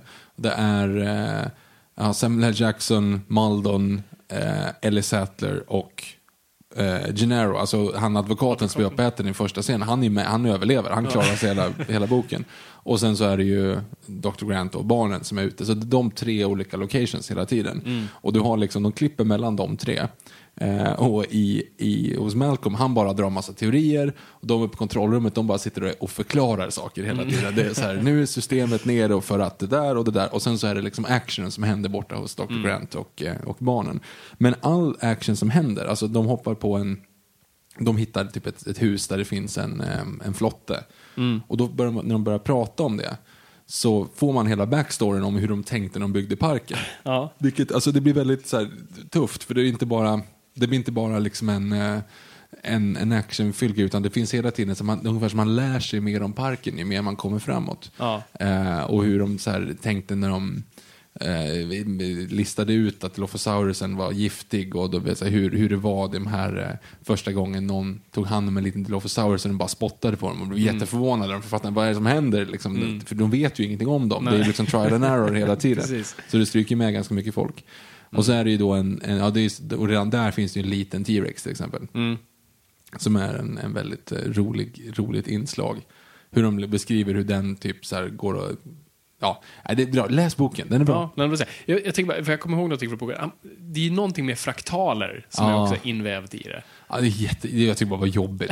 Okej, ja, då går vi inte in på det. Jag tyckte det var intressant i alla fall. Och det, för det hade ju Mikaelas teori, hur fraktaler funge- fungerar. Mm. Ja, skitsamma. Det, det, jag tycker det är intressant. Ehm, ja, men, Jag vill ha mer dinosaurier, mindre, Ja. mindre prat. Det är det som är så kul, jag tyckte just det, men som sagt med Lost World, jag var inte så intresserad av dinosaurierna, för där var det mycket, där har du också en, en scen då en T-Rex faktiskt sätter sig på en motorhuv. Ja, men den sitter väldigt mycket. han sitter- T-Rex gillar att sitta. Jag tänkte ändå efter han hade sett filmen, bara okej, Ja. nu ser jag hur de här faktiskt fungerar. Ja, ja, skitsamma. Men på tal om Lost World, vi har ju, vi har ju snuddat på, alltså, The Lost World, Jurassic Park. Vi har ju snuddat på den. Vi pratade lite om den, Jurassic Pod och sånt där. Ehm, men nu tycker jag att vi ska gå tillbaka till den igen och ge det ett försvarstal. För att den har fan ett bad rap. Det är, varje gång jag ser någonting på social media eller you, eller kollar ett YouTube-klipp eller, eller någon fan-theory om Jurassic World så ser man alltid många kommentarer på oh this movie sucks, it's the worst one. Många hatar The Lost World. Jävligt konstigt måste jag säga. Vilket man själv inte uppfattar. Alltså när man var liten, det är ju klart man diggade den, men det var ändå den som var, ja men det var en bra uppföljare. Visst, det var inte lika bra som första. Jag tyckte att den var bättre än första, ska jag säga, när jag var liten. Ja, Jag var, jag var sju liksom, alltså det var ju bara så här, mer dinosaurier, perfekt. Men man vill ju inte sitta och lyssna på Chaos Theory. Alltså om jag tycker att det är jobbigt nu så vill jag definitivt inte göra när jag var sju. Nej, alltså, nej det, det är sant. Nej, det är, absolut. Men, eh, och, och jag tycker det är fortfarande fullt med oss att vi tycker att The Lost World är en stadig rulle och en kul uppföljare. Ja, jag har ju sett om alla tre nu senaste veckan. Eh, det cementerar ju ännu mer i bara vilket sjukt jävla mästerverk Jurassic Park är. Alltså den är så tight, den är så, alltså, den är så välgjord. Och ja, det, det är någonting, så alltså, allegorierna funkar så hundraprocentigt mot den här filmen, vilket jag gillar med Jurassic World tar upp sen.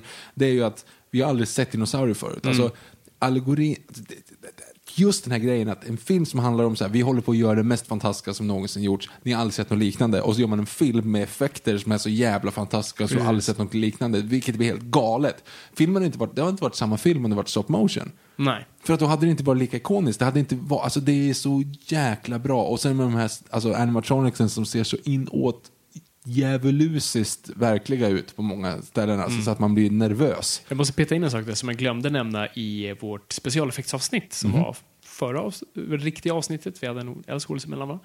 Eh, eller hur? Jag har rätt? Jag tror det. Ja, skitsamma. Eh, men för då, som du sa, då, man skulle ha stop motion först och man har sett tester som Phil Tippett gjorde. Det finns på X-material, det finns på YouTube också. Eh, och tanken var ju först att ILM skulle bara ta bort, eller lägga till motion blur. För det är ju det som, som vi pratade om det avsnittet, problemet med stop motion att det inte ger motion blur, därför kan det inte lura det mänskliga ögat. Men lägger man på motion blur, då kan det se helt plötsligt lite coolt ut. Så att eh, det någon har gjort på YouTube är att ta en av de här Phil Tippett-sekvenserna och lagt motion blur på det. Så man får se typ hur det skulle kunna sett ut. Så typ sök på Jurassic Park stop motion motion blur eh, på YouTube så, så ser ni, det är liksom bara typ ett fem sekunders klipp. Eh, men jag men tycker det det, såg bra ut, så. Jag tycker det såg coolt ut, men, men jag håller med dig, det skulle absolut ha varit ehm, CGI. För det är det som gjorde det så ikoniskt och nytt och fräscht och ballt på, på det sättet det sen blev. Som jag då gillar som sagt att Jurassic World, de fattade det. De fattade att de inte kunde göra det lika fantastiskt Yes. längre, så de måste liksom turn everything More to a teeth. level. Ja men more teeth, precis. Och det var det de var tvungna att göra. Och det är det som är liksom hela algoritmen för att det finns dinosaurier på riktigt och vi måste hitta på nya saker för folk tröttnar. Det är samma Precis. sak i dinosauriefilmerna. Oavsett det. Eh, men då, bra film, fantastisk film. Första Jurassic Park film. är Också fantastisk. Just bara det här subjektiva, just den här, vilken är den första dinosaurien? De, ja, det är Dilophosaurusen de, de ska se först. Ja. Ehm, och vi får inte se den. Och precis som de med bilen, vi är exalterade, men vi får inte se den. Och den här besvikelsen. Nej, men du, Eh. nej, ja, Jura- du går väl förbi Velociraptorerna först va? Och ja, men du ser ändå inget. Nej, nej, nej, nej, nej, nej. Ehm, men just on the tour, där vi verkligen Mm. ska få se dem, eh, så får vi inte se det. Vid boken så ser man dem. Då är de Ja, där. ja, då- det är ju precis, Och det är- så här, det är ju det- boken. Jo, det är det jag menar. Det är ju, liksom, det är, det är ju filmiskt. Det är ju liksom Jaws all over again. Att man håller ut på det. Håller ut på det. Liksom. Precis. Ja, nej, det, Ja, är, det är fantastiskt. Men, The Lost World. Ja, och det var ju då man började så fundera på, är den dålig egentligen? Var det bara att man inte hade... För det var ju kul att se om den. Mm. För att jag kommer ju ihåg varenda replik. Jag kommer ihåg liksom Ja. varenda bild. Jag kommer ihåg hur allting låter, men ingen aning om vad de säger. Nej. Alltså för att man har sett, man har sett liksom den här filmen 50 gånger. F- mer. Alltså man Mm. Ja, slog, såg den två gånger om dagen en sommar. Liksom. Mm. Så man kommer ihåg varenda, man kommer ihåg varenda rörelse, man kommer ihåg vad de säger. Utandningar. Men du har ingen aning om vad de egentligen säger. Utan du kommer ihåg det engelska ordet men aldrig reflekterat över att, jaha men shit, vad fan, det, det, vad säger de det här? Liksom. Alltså, Ja. Det är väldigt roligt att se det liksom, i, i, i vuxen ålder. Ja. Och jag kan säga så här, jag blev faktiskt positivt överraskad. Jag var beredd på att det här kommer ju vara mycket sämre än vad det egentligen var. Ja. Nej men jag gillar den. Alltså, Jag gillar den också. Det är också, än en gång, precis som Jurassic Park var det rätta sättet att intro, återintroducera dinosaurier i populärkulturen så var The Lost World den perfekta uppföljaren på det. Hur man gör det, det här på nytt. Det, var inte, det är inte en klassisk någon hamnar på ön och blablabla, det, utan vi har det här konceptet av Site B och um, det är att självklart ska ett företag vilja ha sina grejer de, och det kan rädda dem ur konkurs och allt sånt där. Och så har du John Hammond som inte vill det utan han vill vända the public opinion och få folk att få reda på att det finns dinosaurier, därför kommer folk vilja försvara dem. Alltså, det, är, det är bra grejer inbyggda där. Det är inte som sagt Jurassic Park 3 med att åh nej, jag landade på ön. Vi måste hem. Dinosaur. Uh.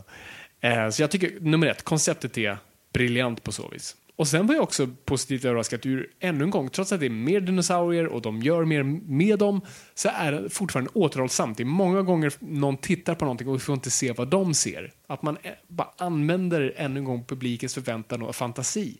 Och inte bara bombarderar oss med det och har pauser. Alltså, Spielberg är så perfekt på sina set pieces. Att han placerar ut sina scener, sina stora scener väl. Och vi där har en paus mellan, som fortfarande är intressanta. Jag har fortfarande så här, om man tänker favoritscener. Nu, nu, ska man, nu är det ju lite så här pretto att ha favoritscenen i Jurassic Park när de sitter och käkar middag och pratar loppcirkus. Mhm. Och favoritscenen i Lost World är det när de är upphissade uppe i eh, träden. Hide. Mm. Ja. Och du ser bara hur skogen rör sig. Alltså du vet så här, Mm. när de kommer gående, du hör bara ljudet så ser man bara hur det bara så här, bara flyger. Mm. fåglar åt alla håll och träden svänger. Liksom, här, nu kommer de på riktigt, nu Ja. är det real deal. Liksom. Och sen så kommer bilen rullande. Mm. Alltså det är så jäkla snyggt. Ja. Det är, ja, nej, men det, Spielberg är expert på de där grejerna, hur man förmedlar saker visuellt ännu en gång. Eh, jag, ty jag tycker den har många sådana bra scener och bara är så välplanerad. Ja, men och, och, det känns också framförallt som att alla visste om vad de gjorde. Alla visste att det här kommer vara en, en romp ute i djungeln. Ja. De liksom, de, we know you can do dinosaurs, but what can you do with the dinosaurs? Det var väl hela konceptet, Mm. Det var hela tanken bakom precis. det. Och då får du säga, ja men okej, men vi slänger ihop massa roliga grejer. Vi har en halvkass anledning att de ska dit, som jag inte tycker var halvkass nu med facit på hand. Men så här, det är bara, de kommer springa omkring och bli jagade av dinosaurier. Men Mm. dinosaurierna är apeshit snygga. Och karaktärerna bryr dig om och det finns liksom en, det finns mer, det finns någonting underliggande där, den här konflikten och det, han med, Mm. ehm, vad heter han nu då? Roland Trembo. Alltså hela hans subplot story om att han ska så här, skjuta det största som finns. Mm. Ja, vet, alltså det, och sen så är det ändå människan han bryr sig om Mm. till sist. Då. Alltså, du vet, det finns liksom det finns så många olika mål och mindre så här, snygga som alltså, jag, jag gillar det jättemycket. Mm. Ja. Eh, just för att det märks att okej, men de försökte faktiskt. De försökte göra någonting nytt med det. Även, det reflekteras också i Ian Malcolm. Ian Malcolm som var lite av en, inte joker, men lite av en lättsam karaktär i filmen i alla fall, i första filmen. Han drog skämten, han, that's a big pile of shit. Alltså alla de här bitarna han gjorde. Ehm, och nu är han en bitter gammal man nästan i stort sett. Väldigt bitter, inte alls särskilt rolig, vill bara vara den riktiga downern bland alla andra. Och att man vågade göra det med den karaktären. Jag tycker det, alltså, det hade varit typiskt bara, men han var charmig, vi gör honom mer charmig. Vi gör, vi gör en spin-off som vi döper till Ian och så får han åka till Hollywood och så är alla andra hans gamla vänner är borta och så får han åka i Hollywood och så två säsonger bara så lägger vi ner. Precis. Joey-referens. Ja, jag, nej men, eh, nej, alltså, det är det, absolut. Det är inte en perfekt film. Den har konstiga små aspekter. vad tänker du på? Eh, Alltså San Diego-sekvensen makes Nej, jag tycker Jag tycker om den och jag, jag skulle aldrig ta bort den, men jag förstår att folk är lite så här. Nej, men alltså, de har ju lagt det på det sättet så att det funkar. Alltså de, de zoomar in, de, alltså, jag, jag, gill- jag gillar det för att den är inte seriös då. Den går ju liksom, den vänder he, helt. De låter, de äter upp David Kepp Ja, du har japanska affärsmän som springer och skriker. Ja, och det är liksom, okej, Godzilla. Alltså Godzilla för Du har när han springer igenom så här, eh, alla djur måste gå igenom karantän, och så bara slår han igenom den dörren. Du har när han går förbi basketplanen så gör han en dribbling med vänsterhanden. Du har, eh, okej, s- den här lilla pojken i rummet. Du har pantomimgrejen kulan kommer rullande. Den, den reaktionen som Goldblum gör verkligen, Ja. ja. rycker tillbaka huvudet, väldigt pantomimen. Mm. Nej, men, alltså, konceptet gillar jag, för det, det är ju ändå så här, okej nu ser vi någonting nytt. Mm. Say, you, du, ville se dinosaurier, här kommer de. Alltså, det är en helt annan grej. För det är det som är problemet när vi kommer in på Jurassic Park 3. Yes, vi kommer till det. Okej. Ja. Ehm, nej, men för vi vill också, som vi har pratat om i Steven Spielberg-avsnittet, som ni kan lyssna på också, men just det här, Steven Spielberg har precis gjort Schindler's list. Han är emotionellt urholkad. Nu ska han ha kul och du är med på resan. och jag tycker, det, det, jag tycker den energin är där. Spielberg hittar alltid små nya, alltså som det där skämtet, alltså klassiska Spielberg-skämt med just No Animals, Checkpoint-grejen och eh, basket. Alltså det är klassiska små Spielberg-grejer. Ehm, och det är de bitarna som bara gör det så himla kul att se. Och, och hur han också använder sig av, jag gillar också nat hur naturen fungerar i den. Hur eh, man sköt ju filmen både på Hawaii som man gjorde första men också eh, Redwood Forest i San Francisco. Och mixade de två och därav byggde ett nytt ekosystem vi inte riktigt kunde sätta ett finger på och inte bara ett sceneri där man sprang runt samma träd som i Jurassic Park 3. Fy fan. Utan, nej men de, tar, jag tycker, de tog franchisen vidare. Jag ty- Det fanns inget annat sätt att göra det på än det där. Det var det helt naturliga sättet att göra det på. Ja. För att Jurassic Park 3 hade varit den dumma personens direkta uppföljare. Ja. Ja, men, och det är ju den dumma personens indirekta uppföljare. Exakt. Alltså jag, jag kan sitta och bli lite provocerad av Jurassic Park 3. Jag blir arg när jag tänker på det. Alltså det, det känns som att det, The Lost World för den stora storyn framåt. Det finns en anledning. Du vet, det, här. det stora företag som grundade alltihop. De har ett motiv, vi har några andra som har ett motiv, vi har någonting som är liksom större och för hela franchisen. Liksom, så här. Det är det här som för, det, är det, det här är parallellen också till um, eh, Last Jedi, som inte heller förde franchisen framåt, utan det blev bara en minigrej som en avstickare och det blev under tre dagar eller en och en halv dag. Eller vad. Det är inte ens en, det är en dag. Är det. Ja, typ. Alltså, det, det, det blir det lilla i den, den som borde vara det stora kapitlet blir det lilla liksom, fanfilmen. Och det är det Jurassic Park 3 blir. Vi har pratat så mycket om den här. Lyssna på DVD-kommentar om det. Ja, vi har gjort en hel DVD. Men alltså att göra då, att följa upp till den största filmen som någonsin har gjorts. Det gjordes en uppföljare till den som gjorde det så okej men vi gör det här för kul, den drar in bra med pengar och folk blir ändå underhållna och den är välgjord och den får liksom så, här, ja vi har den ändå, den är där uppe också. Det är liksom Steven Spielberg, det är stora skådisar, det är en seriös film, det är bra. Hur ska vi följa upp det? Jo, vi gör att det är så här, hur ska vi få till... Det, ah, tänk dig manusmötet. Tänk dig när de satt där och bara, hur ska vi få tillbaka eh, folk på ön? Så bara, Har vi någon skådis som vill ställa upp igen? Bara, nej, nej, nej, ingen vill. Bara, ja, men borde inte fräckt ha Dr. Grant? För Dr. Grant, det, fatt, det stämmer ju inte. Så, och dessutom vill inte Sam Neill. Och så säger någon som går iväg och så hör man någon säger, ja, men en, en och en halv miljon då? Två miljoner då? Tre miljoner, ja okej taget. Och så kommer man tillbaka, ja vi har Sam Neill, nu måste vi få in Dr. Grant i manuset. Och sen så har de bara liksom tjohornat ihop någonting och det är helt så dåligt. Men det är det, det som vi har sagt, eller om det, det är allmänt känt, att alltså det manuset de först skrev kastade de ju typ ut två veckor innan de började skjuta den. Och de hade bara massa animatronics, miljöer, de var tvungna bara nu att försöka skriva om runt omkring. Och filmen en och en halv timme. Ja. Alltså, det Ja, nej, det, det, det, den är totalt värdelös. Jag hade velat se vad det, det finns väl säkert någon information på vad det första manuset var för någonting. Det är säkert inte bättre. Men, ehm, men det är fortfarande en konstig mashup av saker som inte funkade. Ah, det gör en lite, gör en lite bitter faktiskt. nej, jag, blir, jag, blir, jag blir ledsen när jag tänker på den. Mm. Men sen var det uppehåll i 14 år. Ja, det behövdes. Alltså, det här var ju en sån här klassisk bara sänka franchisen-rulle. Batman Ingen- Robin. Ja, ingen visste hur man skulle plocka upp vanten efter det där. För att det är inte som att, alltså den filmen gick ändå bra, det var inte en flopp, utan det var bara ett sån här Ingen ville ha mer. bara. tomrum. Nej, ingen Ja. ville bara röra den där franchisen. Den var död och den höll på länge, alltså jag följde ju då när nätet kom, alltså när nästa Jurassic Park uppföljare. Och jag kommer ihåg, det var så här 05 såg jag någon video på Steven Spielberg på röda mattan. Där de frågade liksom, Mr Spielberg, how does the um, Indiana Jones movie going? Och han sa bara, oh, I don't know, that's, that's way off. I don't know if we're gonna do it. Och så, uh, Jurassic Park, oh yeah, that, well we're definitely gonna do that. Och det var 05. Ja, fan vad sjukt. Så det var den han var exalterad. Det är tio år innan Jurassic World kommer. Precis.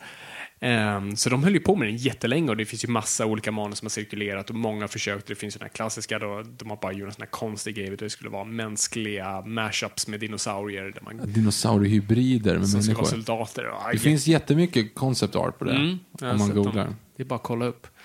Eh, och så blev det ju inte förrän då, ja, 15 som Jurassic World kom. Och faktiskt, gjorde ännu en gång faktiskt det enda rätta man kunde göra. En, Alltså, både en premissen- reboot men också uppföljare. Premissen perfekt. Mm. Alltså, det har jag sagt hur många gånger som helst. Men det är den vägen, den enda vägen de hade kunnat gått och det var den bästa vägen de gjorde. Ja. Och det är en sån perfekt allegori för dinosauriefilmer, för alla tröttnar på dinosaurier, alla har sett Mm. dinosaurier. Det är liksom Walking with Dinosaurs, the movie, hade liksom fotorealistiska dinosaurier bara Mm. några år tidigare. Och nu kommer de liksom och bara, "Men vi är the real deal. Bara, Och det spelar ingen roll om ni har Jurassic Park-loggan, den är ju ute. Vi kan liksom kolla på Walking with Dinosaurs the Movie och se fotorealistiska. Will, Fer, vad heter han? Will, Will Ferrell har liksom blivit jagad av dinosaurier i, i uh, Land Han blev Lost. uppäten av en T-Rex och sen redan på den.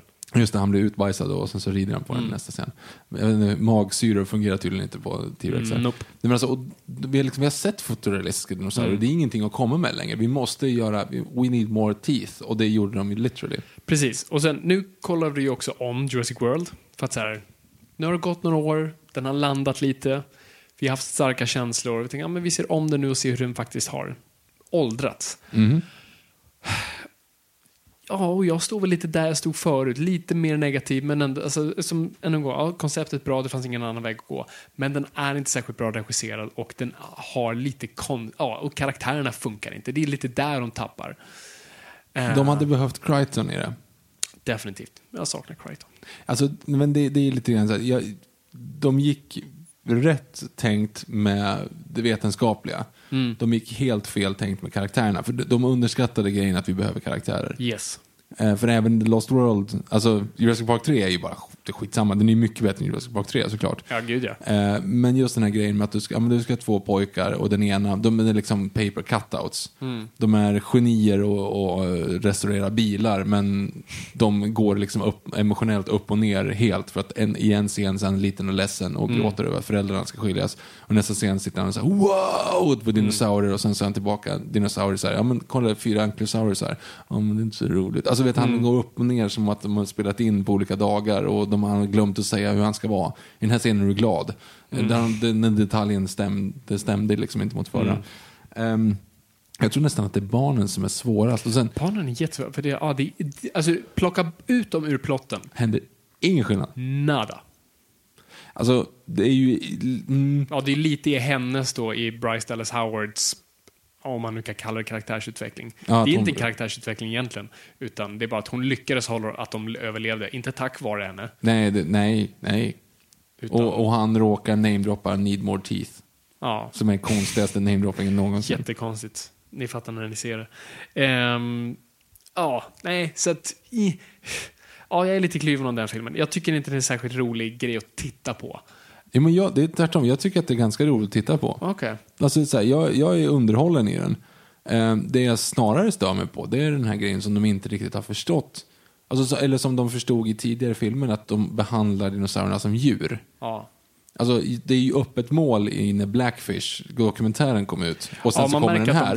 har- Och man bara såhär, okej, men där har ni det. För nu är det så här, Indominus Rex är ju den som ska killing for sport. Det, alltså, Ja. fine, jag köper att den gör det. Men då när de råkar slå sönder The Aviary där och alla eh, pterodaktyler kommer ut. Mm. Och att de då går till direkt attack Mm, på alla människor. alla. Och man Bara så här, tag. men varför? Varför skulle, de, varför skulle det vara deras så här, spontana reaktion när de kommer Mm. ut därifrån och bara så här, äta upp folk? Alltså, det finns ingen riktig... Jag, men, så här, men nu, hade ni upp, nu förstörde ni ju den här grejen att nu är de inte djur längre. Mm. Utan nu är de liksom... Alla blir theme park monsters. Om det inte var det som var tanken, så här, ja, men de har också varit inlåsta. Mm. Men då har du ju tappat hela grejen med Indominus Rex. För det är det han försöker säga, um, Starlord där, när han liksom, om den har varit instängd, den har inte haft några kompisar. Den har, liksom, vad tror den om världen Lämnar utanför? mat på en tråd till den varje dag. Ja, precis. Alltså, den enda positiva reaktionen den har är mot den där kranen. Alltså, Så här kan du inte göra. Det är ju själva grejen då, att den Precis. går ut på rampage. Och då kan vi inte låta alla andra göra det. Nej, det, nej, det är faktiskt konstigt. För det tycker jag än en gång med The Lost World faktiskt gör bra. Alltså, de lägger stor förklaring till, till exempel varför T-Rexarna attackerar. territorial. Ja, precis. Mm. Först är det ungen och sen är det bara att köra ut hotet från deras territorium. Och när de sen är ute i det territoriet, då, är, Ja, då skiter de i då skiter de i ja. Så- Och sen är de ju bara bland velociraptorerna och då är det ju samma sak där. Det är bara det är deras... ja, fast de, är ändå, de, de tar ju en varsin typ. Ja, jo men exakt. Mm. Så där, och sen också, bra förklaring varför T-Rexen går bersär- berserk i San Diego. Ja, den, ja, precis. De, de sövde den jättehårt och sen så försökte de väcka den med en jävla adrenalinkick. Precis. Så den går omkring och bara Ett är lokomotiv liksom... som Ja, beskriver det. Den har Ja, men- ingen aning vad den gör, den bara... Mm, narcoleptic state, typ. Ja, hypad bara. Eh, San Diego! I'm alive! Eh, så även där, bra förklaring. Men det är just, verkligen som du säger, alltså flygödlesekvensen där är totalt bara weird. Och lite med velociratorerna också när de bara går haywire där och bara attackerar alla för att de babblade lite med. Ja, nej, ja, på ett Rexen. sätt. Mm, på ett sätt, kanske. Men den är inte lika... Snarare då att de står och så här... Referens till Janne Långben the Movie. Men när de står och faktiskt pratar, fysiskt pratar med varandra. Här.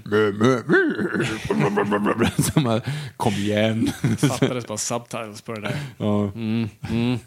Ja, nej. Nej. Det är många små grejer sådär som jag inte... Nej, men jag, jag gillar Jurassic World faktiskt. Jag, jag gillar den Det är en mer helt nu. okej film. Alltså, Som sagt, den är bättre än Jurassic Park 3 och alltså, den tar franchise vidare. Absolut, alltså, jag gillar mycket det de gör där och absolut, det går att titta på. Men jag tycker det är en, det, det är en seg tittning av någon anledning. Det konstiga är ju att, att äh, raptorerna ser sämre ut. Alltså de ser sämst ut i den av alla fyra Specialeffekterna filmer. är weird. Eh, och jag kan inte riktigt förstå varför. Alltså lite är det, alltså Jurassic Park The Lost World hade jättelånga postproduktionstider. Man la, man la verkligen tid åt sidan för att man skulle sitta och pyssla med. Medan nu är det lite mer så här, mm, välj dina shots, som du vill, dina money shots, och de ser bra ut. Och lite så är det här. Raptorerna ser ibland jättedåliga ut, och i vissa fall bättre. Och jag sitter och undrar vad det och det, vi pratade lite om det i specialeffektsavsnittet. Och jag tror mycket också har med så här color grading. Man ska grada all, allting ska se ut som en bakgrundsbild på en iMac. alltså kolla hur Jurassic Park och Lost World är fotade, vilket är väldigt old school. Det är inget sådär, det är inget filter, det är ingen så här speciell, det är inget, den är inte color gradad till döds, utan den har typ en sån här grundfärg, som, en grundton som man absolut sätter på filmer för att bilderna ska matcha. Men det är inte utöver det och därför tycker jag det ser ut som att man har satt en kamera och där är en dinosaurie. Nu ser hela bilden så himla photoshoppad ut, så när man placerar in då dinosaurierna, så det är klart de ser fake ut. Mm. Eh, jag tänkte på det dock, alltså det är väldigt konstigt ljussatt. Kommer du ihåg scenen med, eh, nu tänker jag faktiskt på första Jurassic Park, när de är i trädet med bilen. Det är ju så riktigt, riktigt starka spotlights åt alla håll. Jo, men det är klart, det är, man, man gör det. Det är, det är en vanlig grej, eller förut i alla fall, med night shoots. Då, då, det man tänker är att man ska ha så lite lampor som möjligt, men det man gör är att man har hög, kon, hög kontrastbild. Alltså du har väldigt mörkt, men ljuset är väldigt skarpt. Det var Eh. intressant bara. Nej, nej men och så här, Jurassic World, nej men jag, jag kan inte heller riktigt sätta fingret på det, för att Indominus är ju också, den ser ju bra ut. Men, beroende på scen. men, men det, är- det är också så här, jag har inte riktigt någon liksom, riktig referens för att jag tycker att den rör sig för mycket. Jag tycker att den är liksom, men, men det är ju så här, ja men den, den är en hybrid. Men när T-Rexen kommer, nu ser man ju verkligen det. Alltså T-Rexen ser ju sämre ut i den här Ja. än vad den gör i första Jurassic Park. Yes.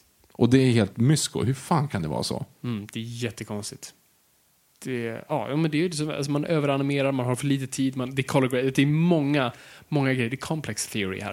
Eh, Det finns inga enkla svar. Eh, det är massa aspekter involverade i det där. Och eh, det är väldigt tråkigt att det har gått åt fel håll. Ja. Eh, Alltså, det är klart att den egentligen är snyggare för den rör sig Den verkligen. rör sig mer andas, verkligen. Men liksom. ännu en gång, jag skiter det är, alltså, Tillbaka till vad, vad eh, Spielberg sa i när han spelade in Jaws, när, de, när han fick fram den här första handen. Du vet, när de hittar i sanden där efter första mordscenen, den som var liksom, av kvinnan. Eh, då hade eh, ja, de som hade fixat den här då, handen eh, gett en tal och man sa, gud vad är det här? Och de sa, nej men vi, så här ser kroppar ut efter de har legat ett tag. De blir sådär blanka och de får... Och han sa, okej det är jättekul att det där ser verkligt ut rent medicinskt. Men det ser fake ut. Jag vill inte ha verkligt, jag vill ha illusionen av verkligt. Och lite samma sak vill jag ha av dinosaurier. Såklart att de rörde sig troligtvis mer kanske som de gör där, men det ser inte verkligt ut. utan Det ser mer verkligt ut i Jurassic Park där de är lite mer limiterade i sina rörelser. Det uppfattar mitt öga mer som verkligt än det verkliga. Det är annorlunda hur film fung- fungerar på så vis. Ehm, så att, och, och så här, mer animatronics. Det är så konstigt när de har de här velociraptorerna i Jurassic World då, i de här munkorgarna. Och de interagerar med dem, man håller, och man märker att de troligtvis har haft en animatronic som grund, fast den var säkert bara blå. Ehm, och sen bara lagt ett digitalt skal på det. Och det är så här, men du hade kunnat ha, för när jag kollar nu närbild, både Jurassic Park och The Lost World, de bygger in bra grejer under huden. Man, huden. man ser att de andas, man ser att saker liksom rör på sig. Det är inte bara stilla dockor. Nej, nej men, men det ska bli spännande då att se vad de gör i Fallen Kingdom. Jag har, jag har lite hopp för att de måste komma någon vart. Jag har inte sett så mycket trailers Nej, nu. inte jag heller. Eh, jag har sett första trailern, ja precis. Och då är ändå så att det finns några grejer man har inte kunnat undvika när man sett på, på Instagram och Twitter och sådana saker. Som man, kan- så det är några set pieces som man känner igen. Eh, men det, det känns ju som att det är med The Lost World igen.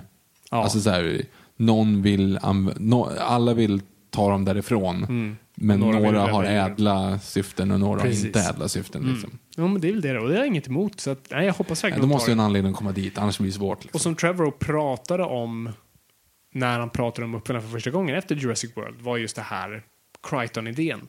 Om vad händer när man kan köpa patent på DNA. Alltså när det kommersialiseras globalt. Och eh, jag är intresserad av att se vad de gör av den idén. För det är Crichton upp i dagen. Ja, de pratar mycket om det. Hammond hade ju till exempel en, eh, han började ju som eh, genetikman där, så hade han, när han sökte finansiärer, så hade han ju en mini-elefant med sig. Står storyn att han har, Just det. han går omkring med, med en liten bur med en elefant i som är typ så här 40 centimeter hög. För att det här kan vi göra liksom. Och det var så han lyckades söka founding då till hela Jurassic Park. Intressant grej det där. Ja. Och det är ju också det de pratar om, att de kommer att typ förminska Alltså en, du kan ha en triceratops hemma som en hund. Ja. Du förminskar den och sen så kan du sälja den som, som Precis. husdjur. Och det är jättemycket planer på så, ja, men Jurassic Park Asia och Jurassic Park Europe. För de har ju köpt några öar utanför Frankrike Ja, som ska det. bygga en Jurassic Park Europe och lite sådana saker. Så det finns ju mycket så här utvecklande av större delen av världen. Det kan vi använda jättemycket. Liksom. Absolut. Nej, men jag, jag är exalterad. Så ni, ni kan förvänta er i podden att vi säkert kommer köra någon liten Elseworlds-recension. Ja, vi måste göra det. Det måste vi definitivt göra. Det är nog våra stora teman här. Eh, Okej, men vi ska knyta ihop det här lite. Ja. Så jag vill bara ställa dig, Viktor, mm, två frågor. Den första är då, vad tror du då?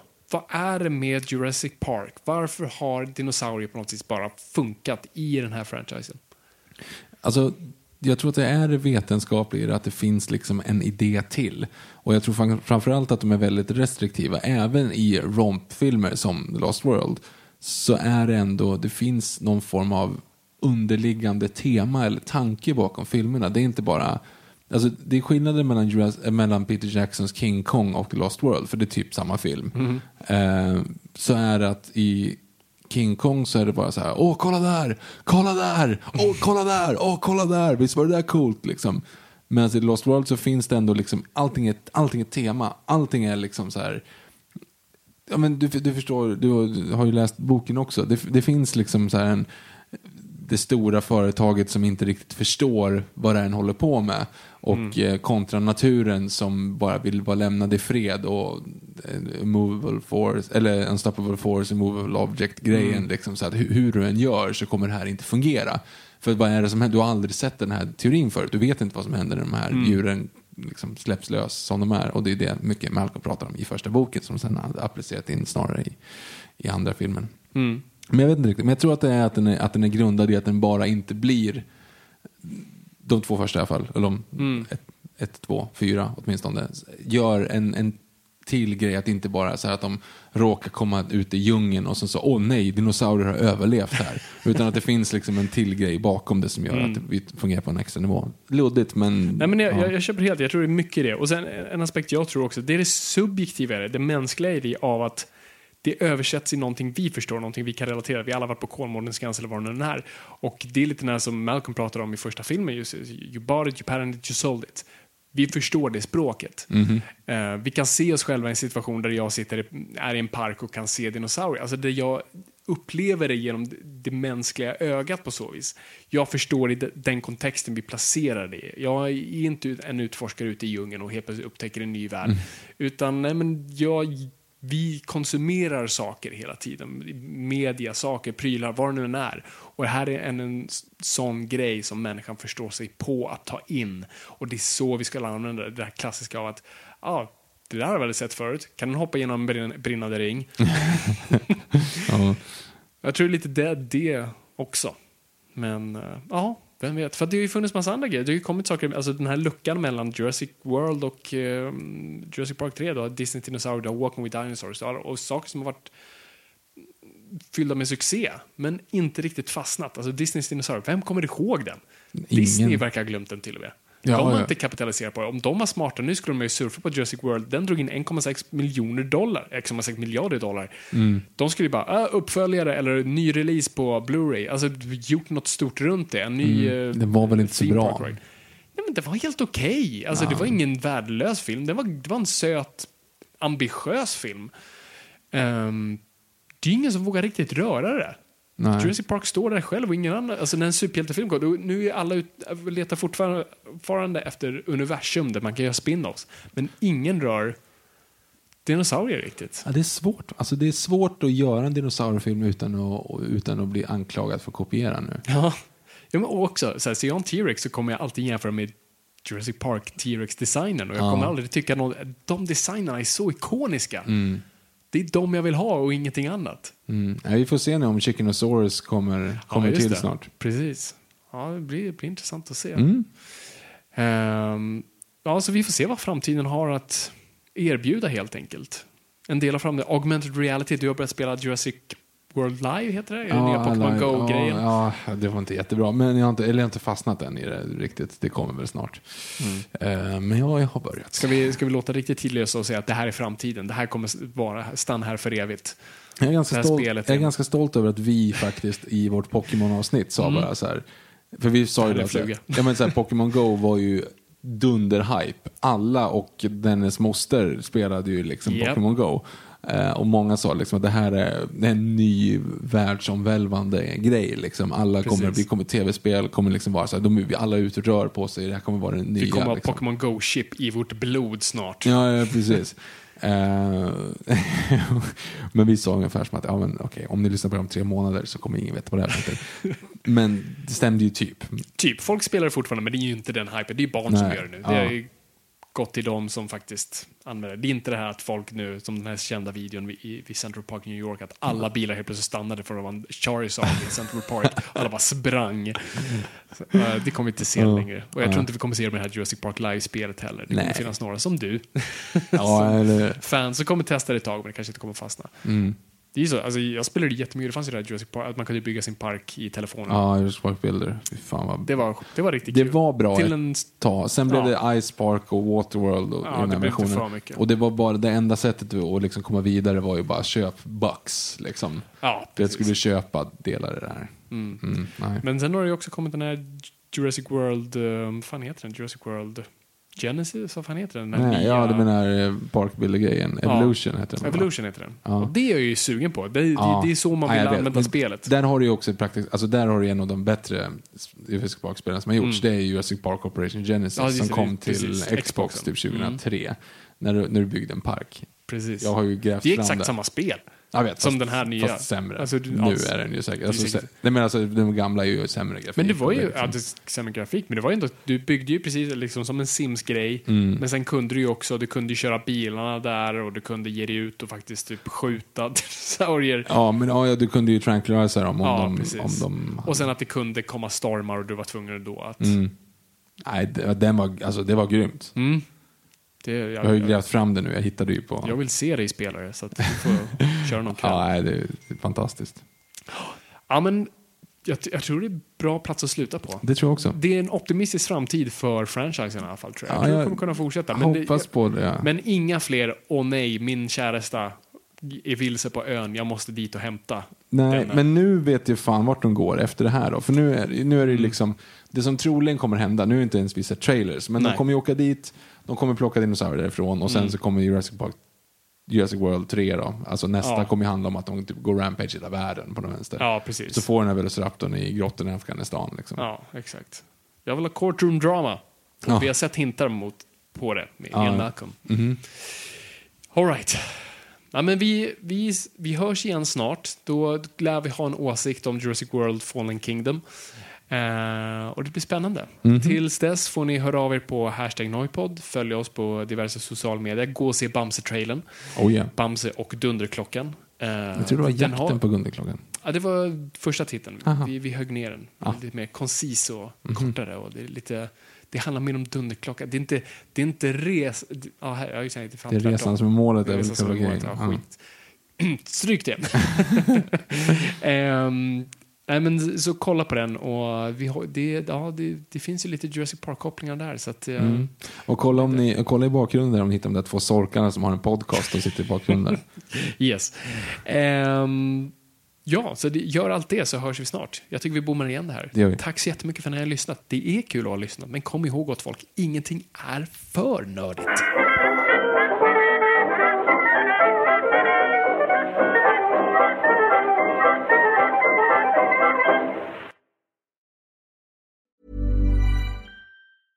Imagine the softest sheets you've ever felt. Now imagine them getting even softer over time. That's what you'll feel with Bowl and Branch's organic cotton sheets. In a recent customer survey, 96% replied that Bowl and Branch sheets get softer with every wash. Start getting your best night's sleep in these sheets that get softer and softer for years to come. Try their sheets with a 30-night guarantee. Plus, get 15% off your first order at bowlandbranch.com. Code BUTTERY. Exclusions apply. See site for details.